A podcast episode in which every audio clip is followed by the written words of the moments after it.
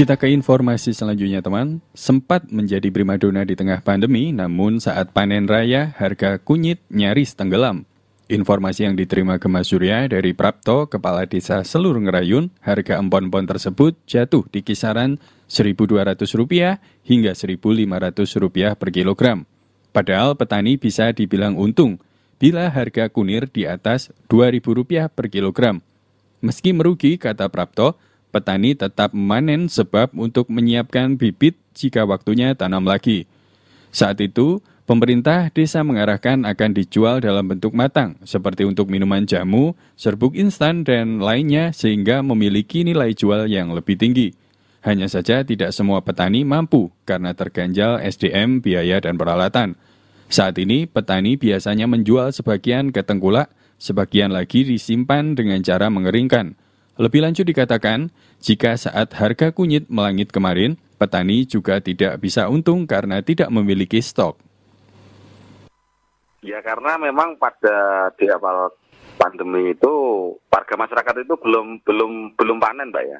Produksi kunir itu mungkin kapasitasnya masih sedikit sehingga mungkin karena dengan asumsi bahwasanya corona itu bisa disembuhkan atau dalam rangka untuk meningkatkan daya tahan tubuh itu salah satunya itu adalah uh, sering rajin minum kunir sehingga hmm. mungkin euforia itu juga mempengaruhi terhadap pangsa pasar kunir saat itu. Di saat sekarang ini kan begitu apa? Begitu harga kita sedang panen, lah hmm. kemudian harga kunir itu sudah menurun. Kisaran 1.200-an sampai 1.500 ya nggak salah. Kurang lebihnya seperti itu.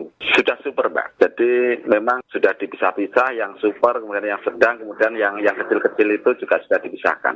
Semua tetap dipanen, Mbak, karena yang pasti kunir itu butuh proses peremajaan sehingga hmm. terlepas itu harganya itu memang nyaris kalau kita bicara masalah untung dan rugi pasti rugi. Cuman kan ini tetap harus dipanen sehingga proses untuk peremajaan kunyit itu juga tetap berjalan kan gitu karena yang pasti untuk untuk bibit tahun yang uh, di tanam yang akan datang itu juga harus bisa seperti itu hmm. sehingga biarpun harga ini nyaris nyaris nyaris tenggelam kan gitu hmm. nah ini tetap dipanen untuk sementara karena dari pemerintah desa sendiri juga ter, uh, ada keterbatasan terkait dengan pemberdayaan masyarakat dalam rangka untuk mungkin mengarahkan dari bahan baku mentah menjadi agak agak apa itu menjadi agak agak matang gitu kan kita juga masih terkendala dengan SDM dan sebagainya mbak termasuk penganggaran sehingga untuk sementara waktu dari masyarakat itu ya dipanen kemudian biarpun harga itu nyaris nol kan gitu karena hmm. di